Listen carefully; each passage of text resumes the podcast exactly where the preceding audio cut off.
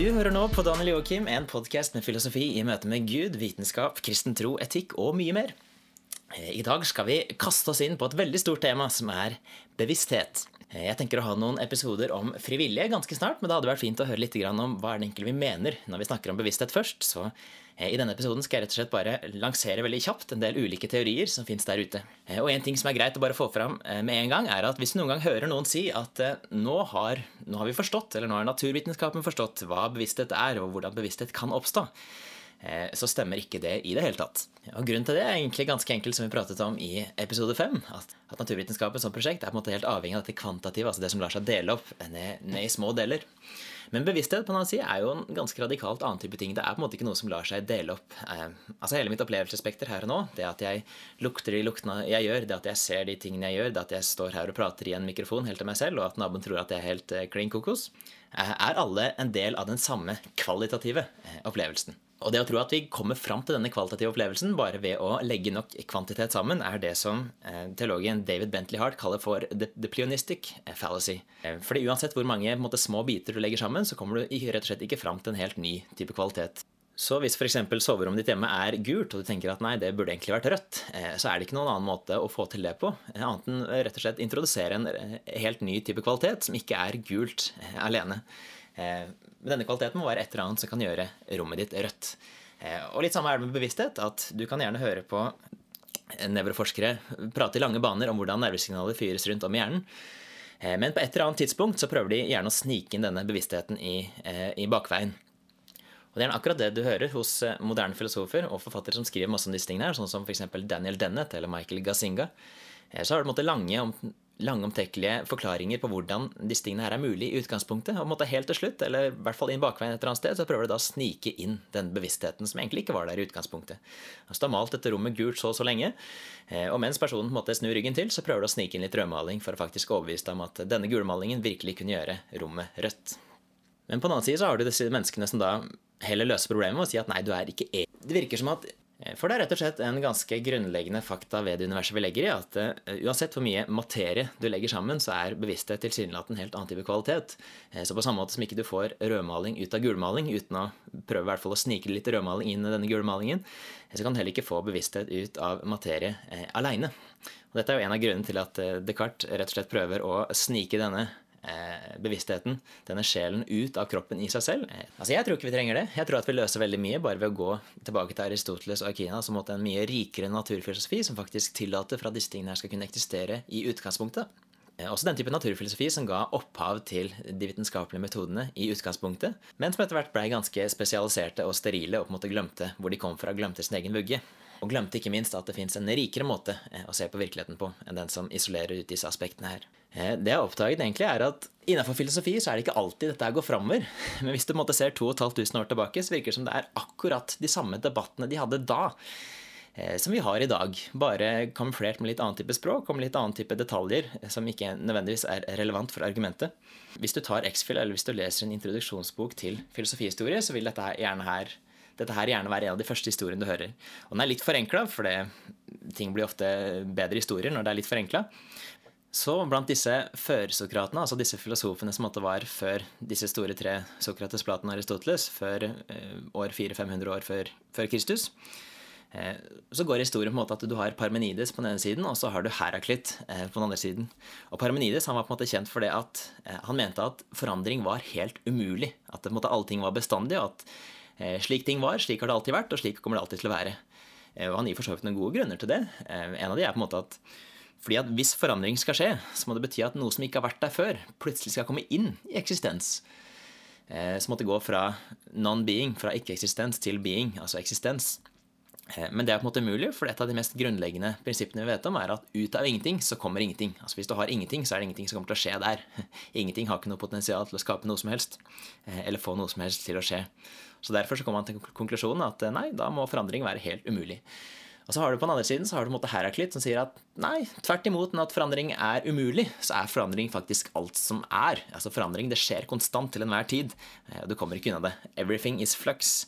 Alt er i flux er på en måte en av de sitatene som han er kjent fra. Han sier bl.a. at du, du går ikke over den samme elva to ganger. for det eh, fra den ene gangen du går over elva, f.eks. På, på en lørdag på vei opp til hytta, Og da når du kommer tilbake på en søndag på vei ned fra hytta, så er på en måte alt det vannet og alle de atomene som det vannet består av, er bytta ut eh, siden det.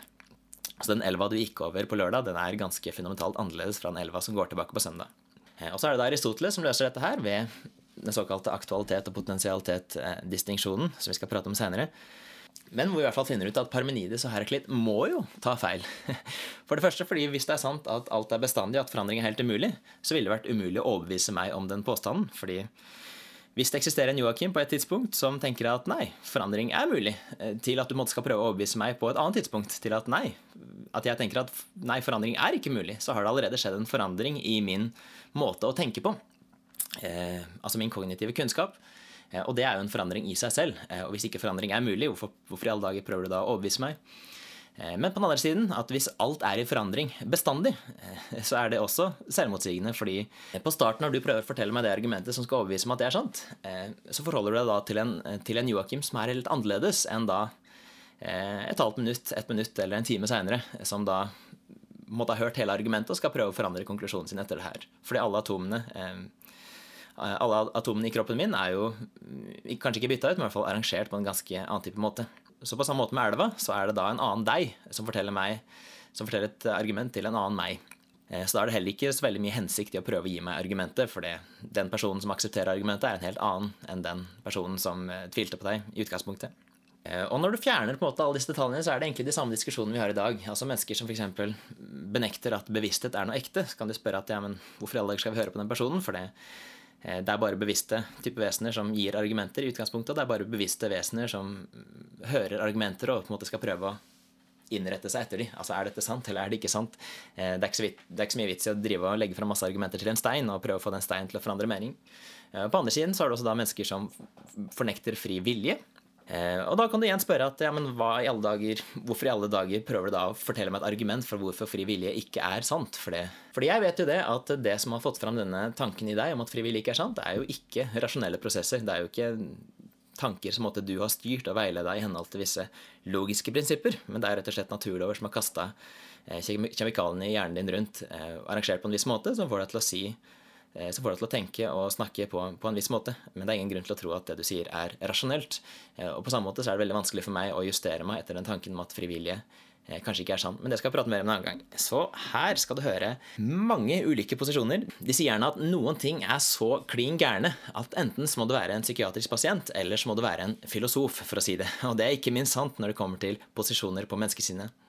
Eh, menneskesinnet er så vanskelig å forstå at det er noe som får eh, mange filosofer, og spesielt mange moderne filosofer, til å ta eh, posisjoner som virker helt hinsides hva vi egentlig tenker er fornuftig. Så dette er et opptak fra en konferanse i 2016 med en innføring til bevissthetsfilosofi. Så jeg har bare et par opptak til som jeg kommer til å fortsette å bruke, før jeg da ønsker å lage litt nye ting. Så vær så god, en introduksjon til bevissthetsfilosofi.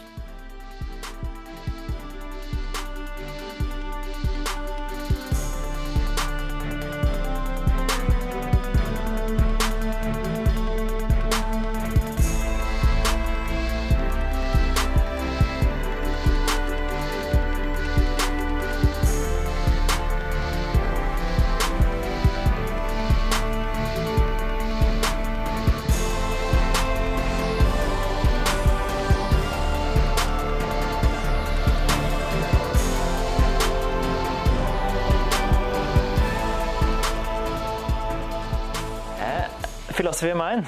Sinnsfilosofi, bevissthetsfilosofi. Aldri skjønt hva jeg skal kalle det for på norsk. Eh, det handler Det er et utrolig interessant spørsmål. Det var egentlig grunnen til at jeg ble interessert i filosofi for, for en del år siden. Eh, så jeg var veldig opptatt av det for noen år siden. Jeg har ikke rukket å jobbe så mye med det siste, så jeg er kanskje litt rusten. Men eh, jeg skriver også på en blogg som heter danieljoakim.org, så det går an å lese mer om det der. Men hvis du da søker på det, så finner du en del artikler fra noen år tilbake. Eh, men ikke Jo, også en del nå i det siste. Jeg har også forsvart f.eks. For fri vilje hos eh, humanetikerne og litt forskjellig. Så det er alltid litt interessant. Og hvorfor er bevissthetsfilosofi så, eh, så spennende? Jo, fordi det er jo på en måte det er nærmest en forutsetning for alt annet.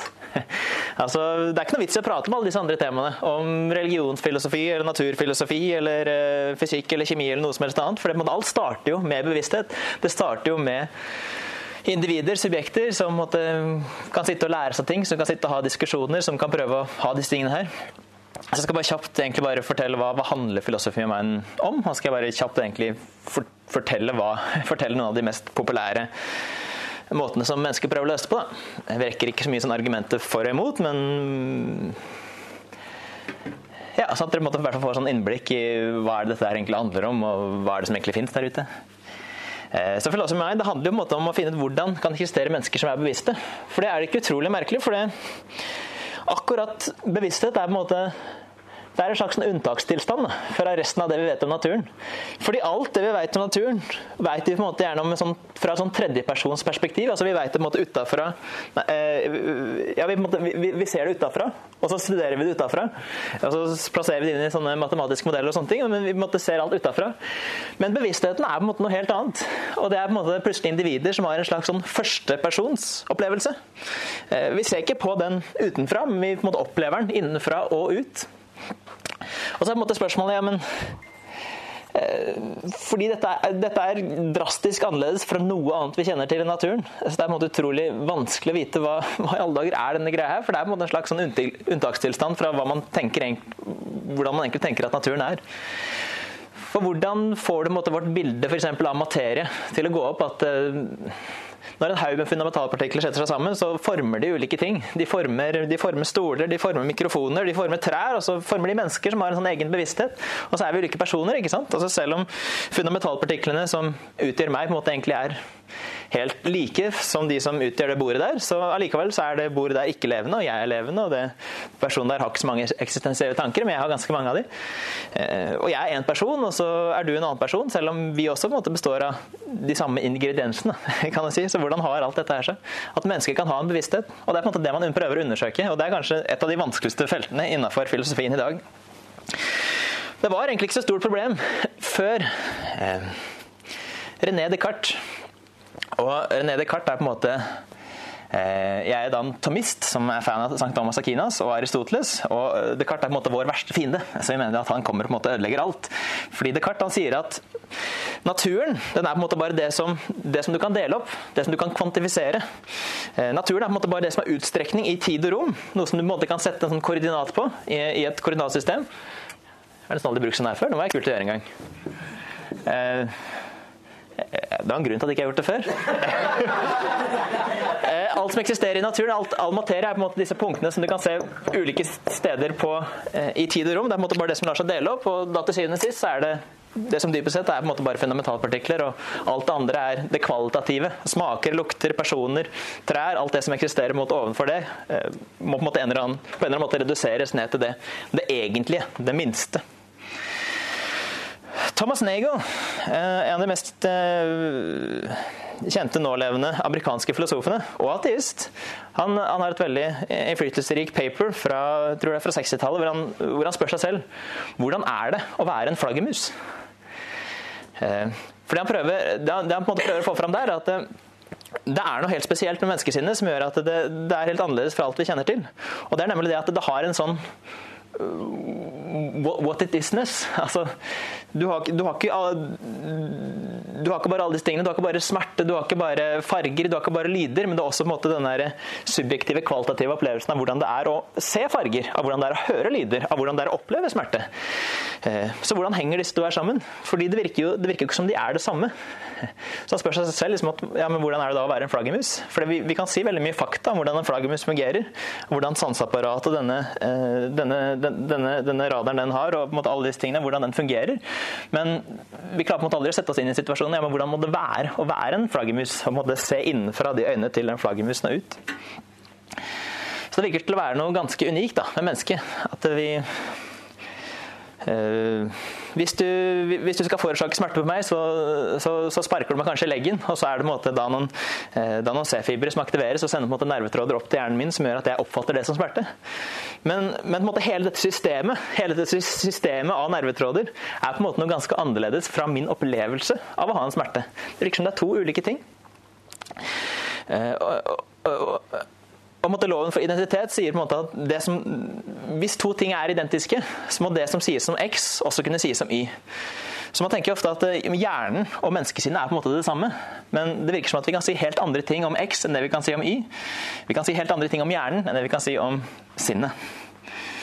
Så Det er på en måte det det feltet jeg prøver å undersøke. det er på en måte Hvordan kan det her, kan det her være mulig? Hvordan kan mennesker ha en sånn what it is-ness? Og så er det også sånn relaterte temaer som f.eks. har vi fri vilje? Bestemmer vi egentlig noe selv? Eh, ofte så studeres den mer i metafysikk, men det handler på en måte om hvordan vi forstår menneskesinnet. Og så handler det også om rasjonalitet. Hvordan kan mennesker være intelligente? Hvordan kan vi vite at hva som foregår oppi her? Hvis det bare er eh, biokjemi som driver og fyrer løs, hvis det bare er nerveceller som eksekrerer eh, og på en måte Eh, i henhold til visse naturlover som er utenfor min kontroll. Hvordan kan jeg vise at jeg på en måte eier de tankene? Og at jeg vet at når jeg på en måte fører disse tankerekkene, så får det meg fram til konklusjoner. Fordi det virker som at vi krever to ting. Eh, nummer én er på en måte en slags sånn mental kausalitet. Da. Når jeg går fra én tankerekke til en annen, så må jeg på en måte vite at det er en, det er en sammenheng mellom de. Hvis jeg skal utføre tankerekker som skal få meg til å tenke på hva jeg, hva jeg skal ha til middag, eller hva jeg skal si til hun, eller jeg skal, eh, hvordan jeg skal forberede meg til dette, dette greiene her, så er det alltid en sånn del tankerekker i, eh, i, i, i suksesjon. Og jeg må vite at jeg på en måte styrer rekkefølgen mellom de tanke, tankerekkene. At det liksom ikke bare er jeg Eh, jeg lurer på hva jeg skal ha til middag. Donald Trump blir president i USA. Eh, jeg hadde måtte ikke bare helt sånn random hva som, hva som, faller meg inn. Jeg må vite at det er en slags sånn kausalitet. Da. Det er en slags sånn årsak-effekt. At den ene tanken er årsaken til den neste tanken. At det er et slags sånn samspill mellom de. En annen ting som er utrolig vanskelig for moderne filosofer å svare på, er hvordan kan mennesket ha det som vi kaller for intensjonalitet? Intensjonalitet oversettes gjerne som, som en slags sånn aboutness. Og Det er det at tankene våre virker til å være om noe. Altså tankene våre Tankene våre virker til å være rettet mot noe spesielt. Enten om det på en måte er spesielle sånne referansepunkter, som f.eks. Barack Obama, eh, eller om det er på en måte mer sånn eh, abstrakte universaler som amerikanske presidenter, som Barack Obama er en del av. Men jeg kan på en måte jeg kan tenke på amerikanske presidenter uten å ha en spesifikk president i tankene. Eller for at jeg skal kunne drive med den type matematikk og logikk. At eh, tankene våre på en måte har en slags sånn terminate content. Da. Altså at tankene våre ikke bare er en eh, eh, er det bare en sånn endeløs rekke med nerveceller som driver og fyrer av gårde til hverandre. Men at på, et eller annet sted så treffer den tanken et eller annet. Og den skal måte treffe, Barack Obama, eller den skal treffe amerikanske presidenter, eller den skal treffe eh, Steike, jeg må forberede meg til talen til Veritas. Hvordan skal jeg gjøre det? Så jeg skal bare beskrive kjapt noen posisjoner nå, og hvordan mennesker prøver å løse dette greiene her. Og selvfølgelig, Det er jo haugevis av variasjoner eh, innenfor det her. Det er, jo, det er nesten like mange posisjoner i, eh, i filosofi of meg som det er filosofer. Så det sier på en måte litt. Men det har på en måte gjerne sånne hovedkategorier da, som, du, som du kan peke på. Så jeg skal beskrive helt sånn minimum. Eh, så gjerne, Det er gjerne vanlig da, å skille mellom eh, å skille mellom monistiske og dualistiske teorier. Hva betyr det? Jo, monisme, eh, det kommer på en måte fra, fra mono, som betyr én. Og da sier det på en måte at alt kan reduseres til sånn én type substans. Eh, du har, både, du har, ikke både, det fysiske og det psykiske. For eksempel. det er ikke to ulike ting. Det er ikke to ulike sånn ekte substanser som eksisterer hver for seg. Men begge de må på en måte kunne kollapses ned til én. Men så er det også dualistiske. Det, måte si at, ja, det fins to typer substanser som er Eh, som fungerer i, eh, i, universet vårt. Så hvis vi tar det dualistiske først, da. Um, kan ikke tegne opp det òg. Så hvis du på en måte har, du har det fysiske her, du har f.eks. kanskje hjernen, hele kroppen, og så har du på en måte menneskesinnet her. Og så er på en måte spørsmålet kan de to reduseres ned til én, og hvor går det da rekkefølgen? Skal den reduseres eh, sinn? Fysisk? Skal den reduseres til den, eller skal den reduseres til den? Eller skal de to reduseres til noe annet? Eller er de to her virkelige ting som eksisterer ved siden av hverandre? Og Hvis vi da starter med dualisme, så er det da det du kaller for substansdualisme. Den som ofte er eh, nesten mest kjent for oss. Det er den Descartes foreslo. For Descartes han, han skjønte det at når jeg, når jeg, reduserer hele naturen ned til disse eh, kvantifiserbare tingene, disse tingene jeg kan dele opp, så er det ikke noe plass til dette greiene her. For det, det, er på en måte ikke noe som kan deles opp. Da.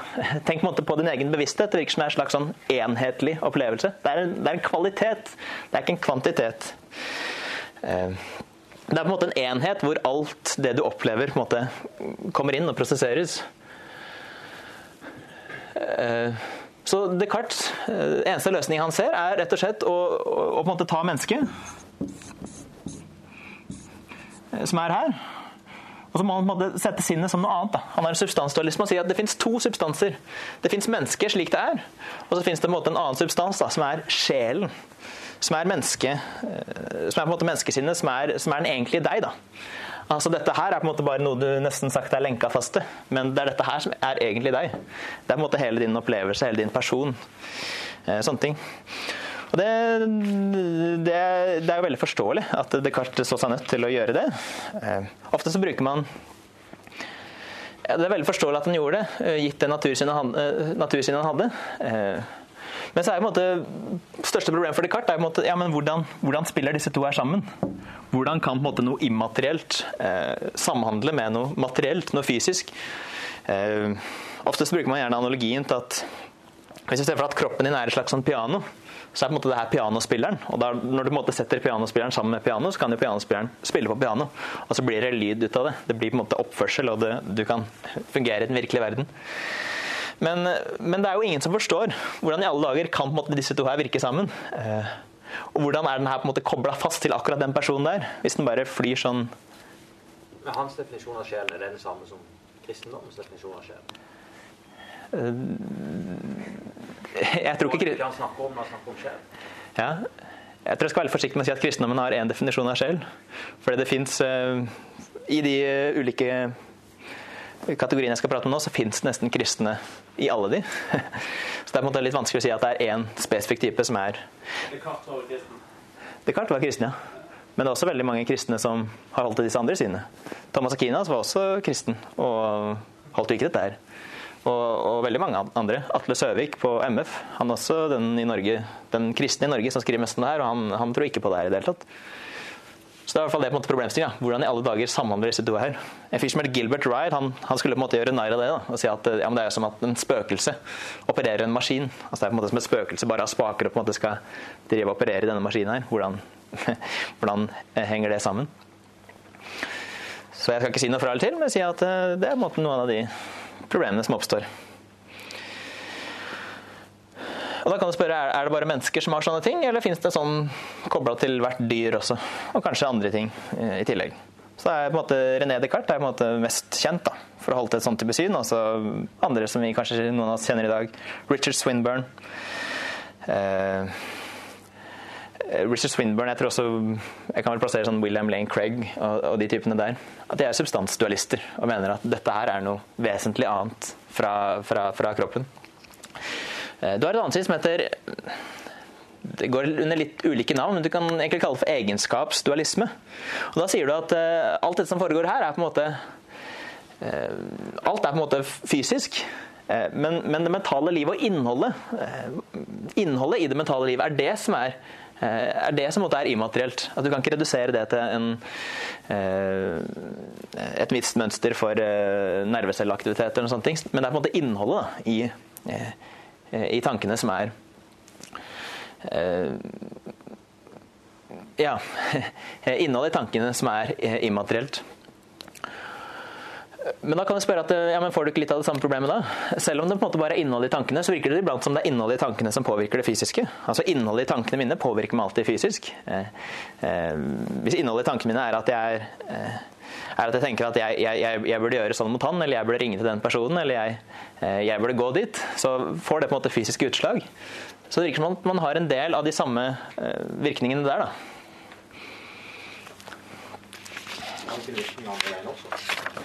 Jo, det, det ja, Nå snakker jeg ikke fra hjernen til kroppen, men nå snakker jeg på en måte om fra, fra det immaterielle da, og tilbake til hele kroppen, egentlig. Uansett om det er eh, hjernen eller om det er eh, motonevroner rundt om i musklene. Ja, så Det er på en måte to, to, to, former for dualisme. Eh, jeg tror egenskapsdualisme igjen kan på en måte Den kan også egentlig deles opp i to.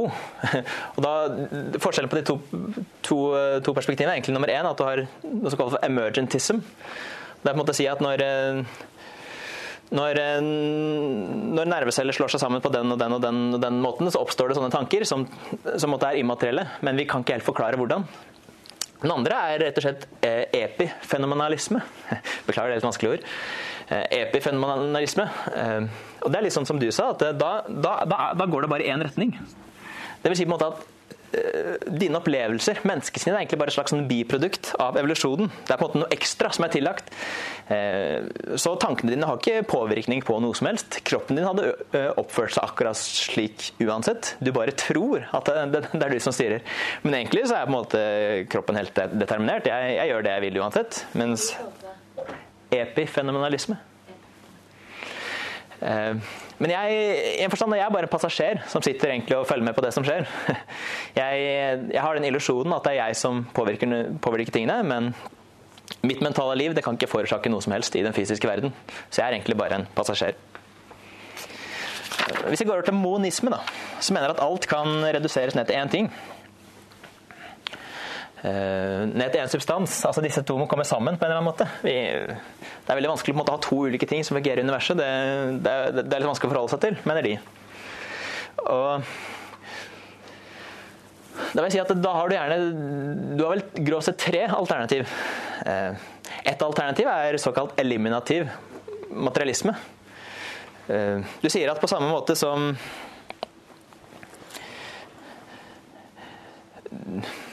du, du, du, du, er ikke egentlig bevisst. Altså, er, du, har ikke egentlig tanker. Du har ikke egentlig et eller annet som ikke kan beskrives på en eller annen fysisk måte. Eh, men det er på en måte, det er ikke ekte. da. Vi kaller det for folkepsykologi. Eh, det er på en måte bare sånn short term som vi har eh, fordi det er veldig praktisk å prate på den måten. Men det er sånn som vitenskapelig forklaring kommer til å omforklare etter hvert. Og sånne folkeforestillinger det har mennesker hatt alle tider. Vi, vi trodde torden var forårsaka av Thor, men så kom vitenskapene og så fant vi ut nye og bedre forklaringer. Vi, vi, vi så på stjernene og trodde at vi var sentrum for om ikke universet, så i hvert fall solsystemet vårt. Og så eh, finner vi teleskoper og så finner vi ut at det er sola som er sentrum. Og På samme måte med folkepsykologi. Da. Det er bare sånn språk vi bruker fordi vi ennå ikke har kommet eh, fordi vi ennå ikke har forstått vitenskapen bak det. Så Det finnes bl.a. et uh, filosofpar som heter Paul og Patricia Churchland. Eh, som, eh, som holder til dette her og sier at eh, det er ikke egentlig noe oven, ovenfor og forbi det vi kan beskrive i rent fysiske termer. Altså når, de, når de, på en måte prater eh, sammen med hverandre, så snakker de ikke om at de elsker hverandre. og sånne type ting, For det er på en måte sånn intensjonelle mentale, uh, mentale ord å bruke. Men de, de prøver på en måte å være påpasselige med å bruke de riktige sånn vitenskapelige begrepene og si at uh, du, når, når, når, lengdebølgen av deg på en måte treffer reten av øynene mine, så kjenner jeg på en måte at feromonene bare stiger i kroppen min, og så utløser mange kjemiske prosesser. Altså. Det er på en måte sånn skikkelig sexy, sexy bedtalk. det og mener at vi, vi, må bare komme dit, til det nivået hvor vi kan omforklare alt det vi tenkte var tanker, ønsker, drømmer, alle disse tingene, til at vi kan forklare det på en, på en rent fysisk måte. Problemet med det er jo ganske åpenbart at uh, det virker som at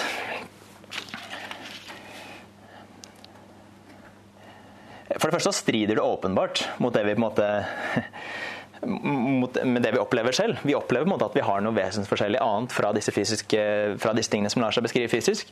Og en annen ting er at jeg tenker at Et minimum for en filosofisk teori er på en måte at den må kunne uttrykkes uten å på en måte være logisk selvmotsigende. Fordi Når du uttrykker denne teorien, så bruker du på en måte en del sånne logiske tankerekker og, og, uh, og, den type ting. Og du, du, er på en måte en person som prøver å overbevise en annen person, men hvis ikke det på en måte er en person til stede da, på noen av stedene, uh, hos meg eller deg, hvem, hvem, i alle dager er det som da prøver å overbevise hvem? Uh, og hvorfor skal jeg på en måte prøve å bruke logiske tankerekker for å overbevise deg, dersom ikke dersom ikke måte, mitt, min, mitt mentale liv er ekte i utgangspunktet. John Searle, en av mine favoritter, han, jeg fulgte, han han underviser på Berkeley i, USA. og Jeg fulgte forelesningen hans over et år over podkast. Og han sa liksom det han, han, han, han, sier ting veldig rett fra levra. Og En av de tingene som gjorde han mest sint, er at vi betaler penger for å drive med filosofi på den måten der. Eh, hvor du kommer fram til den type konklusjoner. da. Men de mener på en måte at eh, naturvitenskapen er redusert bort alt annet, så vi må også greie å redusere det der. Eh, en annen eh, ja, så hvis jeg er én, to, tre her, da. Her er det elementarisme. Her er det ID, identitet. Det handler om å si at det er en identitet mellom eh, våre brain states og våre mind states. Det vil si at for, eh, for enhver fullstendig beskrivelse av hele mitt opplevelsesliv, så finnes det en tilsvarende beskrivelse for, mitt, eh, for, hvordan, for hvordan nervecellene fyrer av gårde i hjernen min akkurat nå. Det vil si at for hver av oss får være oss hele måte, beskrivelsen av hvordan jeg tenker at jeg, jeg, jeg, ser dere og jeg hører dere, og jeg ser at veggen er hvit, og jeg, jeg, lukter og smaker og kjenner akkurat de tingene jeg gjør nå, så fins det en, måte, en måte å oversette det på til de fysiske termene, som gjør at jeg kan finne akkurat en sånn fysisk, eh, fysisk beskrivelse av, av, virkeligheten som den samsvarer med. Eh. Hva var det du kalte denne? her? Eh, Mind-brain identity theory, egentlig. Da sier du på en måte at sinnet og hjernen er eh, identisk. Så du må på en måte greie å oversette da, mellom disse tingene her. Eh, men det er jo Jeg tror det, det, virker litt absurd for mange av oss også. At eh, for hver eneste opplevelse jeg skal kunne ha, så må det finnes en, akkurat tilsvarende fysisk, fysisk, beskrivelse for hvordan ting er sånn. Og det som virker også litt rart, er at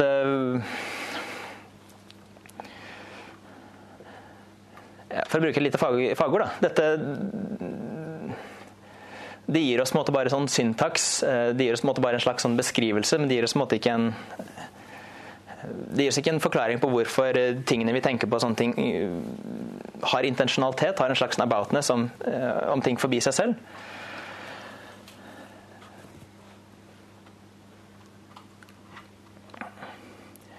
Og ikke minst hvorfor og så har man En grunn til mange, hvorfor mange har gått vekk fra den teorien, der er rett og slett sånn her multiple instantiation. at du men du tenker at ja, men hvis, hvis, det tilsvarer en fysisk beskrivelse i hjernen min, så betyr det på en måte at menneskesinnet også er avhengig av akkurat den måten å konstrueres på. Men kan det ikke også konstrueres i silikon? Kan det ikke konstrueres i en eller annen sånn aliensk substans? Kan vi ikke møte marsvesener en dag som er konstruert på en helt annen, type, på en helt annen måte enn oss, og fremdeles har på en måte det samme mentale livet da, eh, som det vi har?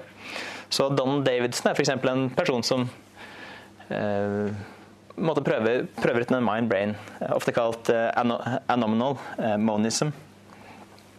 Eh, du har noe annet som heter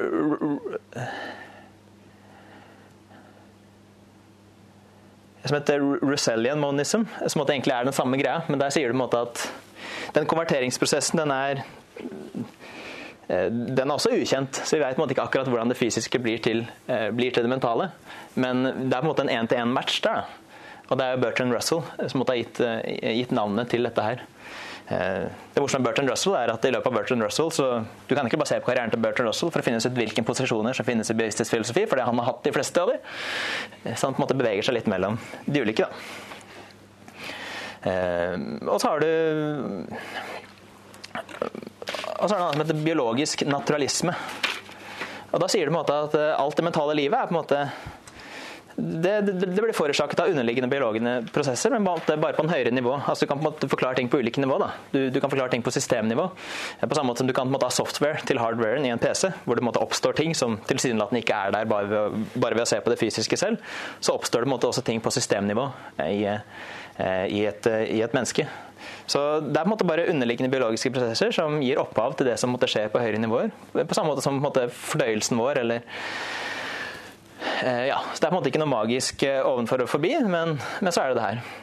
Men det virker jo også eh, det er også noe slik som Atle Søvik har, for så vidt.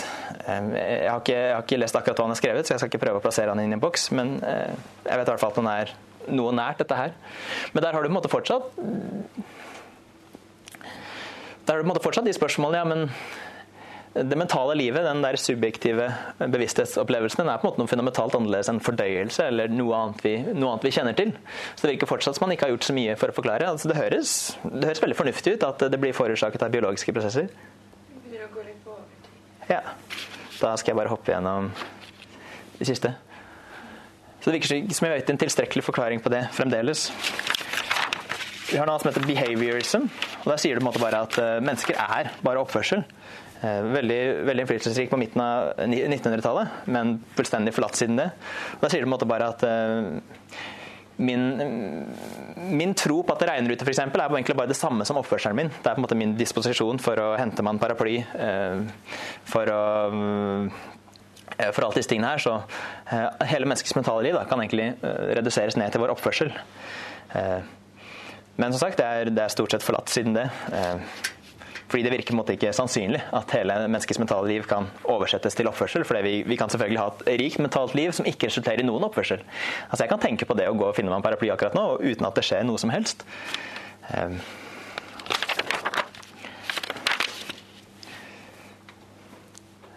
ja, jeg får ta de viktigste tre siste. Du har eh, funksjonalisme eller komputasjonalisme. Det kan du ganske nært, hvor du nærmest sier at menneskesinnet er litt som en datamaskin. Altså Det er på en måte funksjonen den utøver, som er det, som er Eh, som er det sentrale. På samme måte som en, som en, kniv. Altså Formålet til en kniv er på en måte å skjære, skjære, smør eller skjære brød. Men den kan instansieres på ulike måter. Du kan lage den i tre, du kan lage den i stål, du kan lage den i jern. Du kan lage den på mange ulike måter. Så det eneste som er viktig, er funksjonen.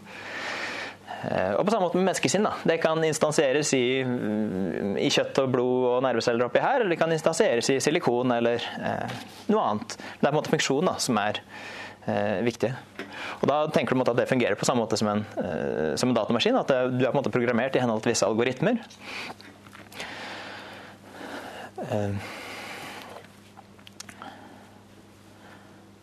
Ja, men også der, Hvis du tenker på en datamaskin, så er det, noe, det er en fundamental forskjell på en datamaskin og et menneske. og det er det at En datamaskin er på en måte, den er observatørrelativ. Altså Når en datamaskin Hvis en kalkulator da, driver og regner på et resultat, og så finner en fram til det resultatet, så er det aldri noe datamaskinen har nytte av selv.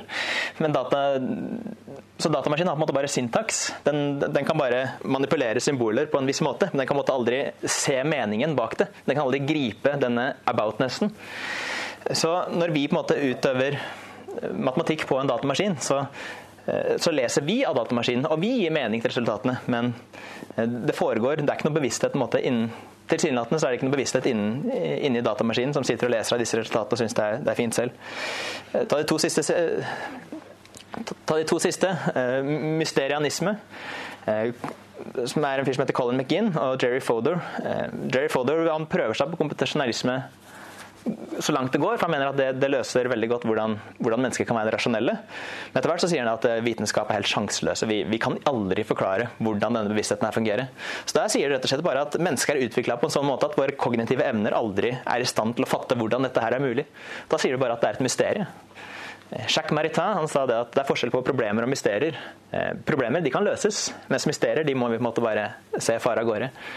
Treenigheten er et mysterium. Vi, vi, kan, vi kan vi kan fortelle den til hverandre, vi kan prøve å gi analogier på hvordan den fungerer. Men vi kan aldri fått den fullt ut. Vi kan aldri skjønne hvordan, hvordan det er mulig. Og den, siste, og den siste, det finnes flere, men jeg kan ta den siste. Det er panpsykisme. Da sier du det at det, det, mentale er til stede overalt i naturen. Så hver minste lille fundamentalpartikkel har på en måte sånn lite åndelig element, åndelig element i seg. En liten sånn protobevissthet. Og hvis de samler seg på akkurat riktige måter, så blir det til den type bevissthet som vi har. Og da har du på en måte, ja, Kanskje har Spinoza eh, eh, som har dette greiene her, på en måte sier at uh, ånd er på en måte til stede i, i, alt det fysiske. Eller så har du David Tromers. Uh, Eh, og en del andre i dag som tenker det at eh, det er egentlig flere og flere vil jeg si, som blitt tiltrukket av denne panpsykismen. Hvor du bare sier at eh, bevissthet er, på en måte, det er et grunnelement da, i naturen. Og hvis det settes sammen på ulike måter, så blir det til vesener som oss. For andre så virker det ganske sykt å si at uh, det mentale er på en måte til stede i, i, naturen selv. At hele naturen på en måte nærmest er bevisst. At du, du må være forsiktig med å tråkke mot stein, for den kan oppleve smerte. Uh, den type ting. Det er veldig vanskelig å forklare hvor, hvorfor skal den sette seg på, sammen på sånne måter som gjør at vi blir bevisste, og tilsynelatende ikke steinene. Ja, så det var noen posisjoner gått gjennom i ekspressfart. Jeg holder selv til en hylomorfisk dualisme. Jeg skal ikke prøve engang å forklare hva det er. Men det er da det er Aristoteles og Thomas Sakinas. Da tenker du at naturen er ikke bare dette greiene her, men det fins et kvalitativt element. Alle ting er satt sammen av form og materie. Jeg har et uh, foredrag på YouTube som heter Hva er atomisme, så dere kan heller se det. Da prøver du å frigjøre da, fra dette tørre tørre konseptet av hva materie er og natur er, så prøver du å finne et sånn rikere naturkonsept. Og sier du det at bevisstheten det hører, det hører, hjemme i naturen på en helt annen måte enn man da må prøve å rette opp her. Så tusen takk for at dere kom. Det var en hektisk kort seminar.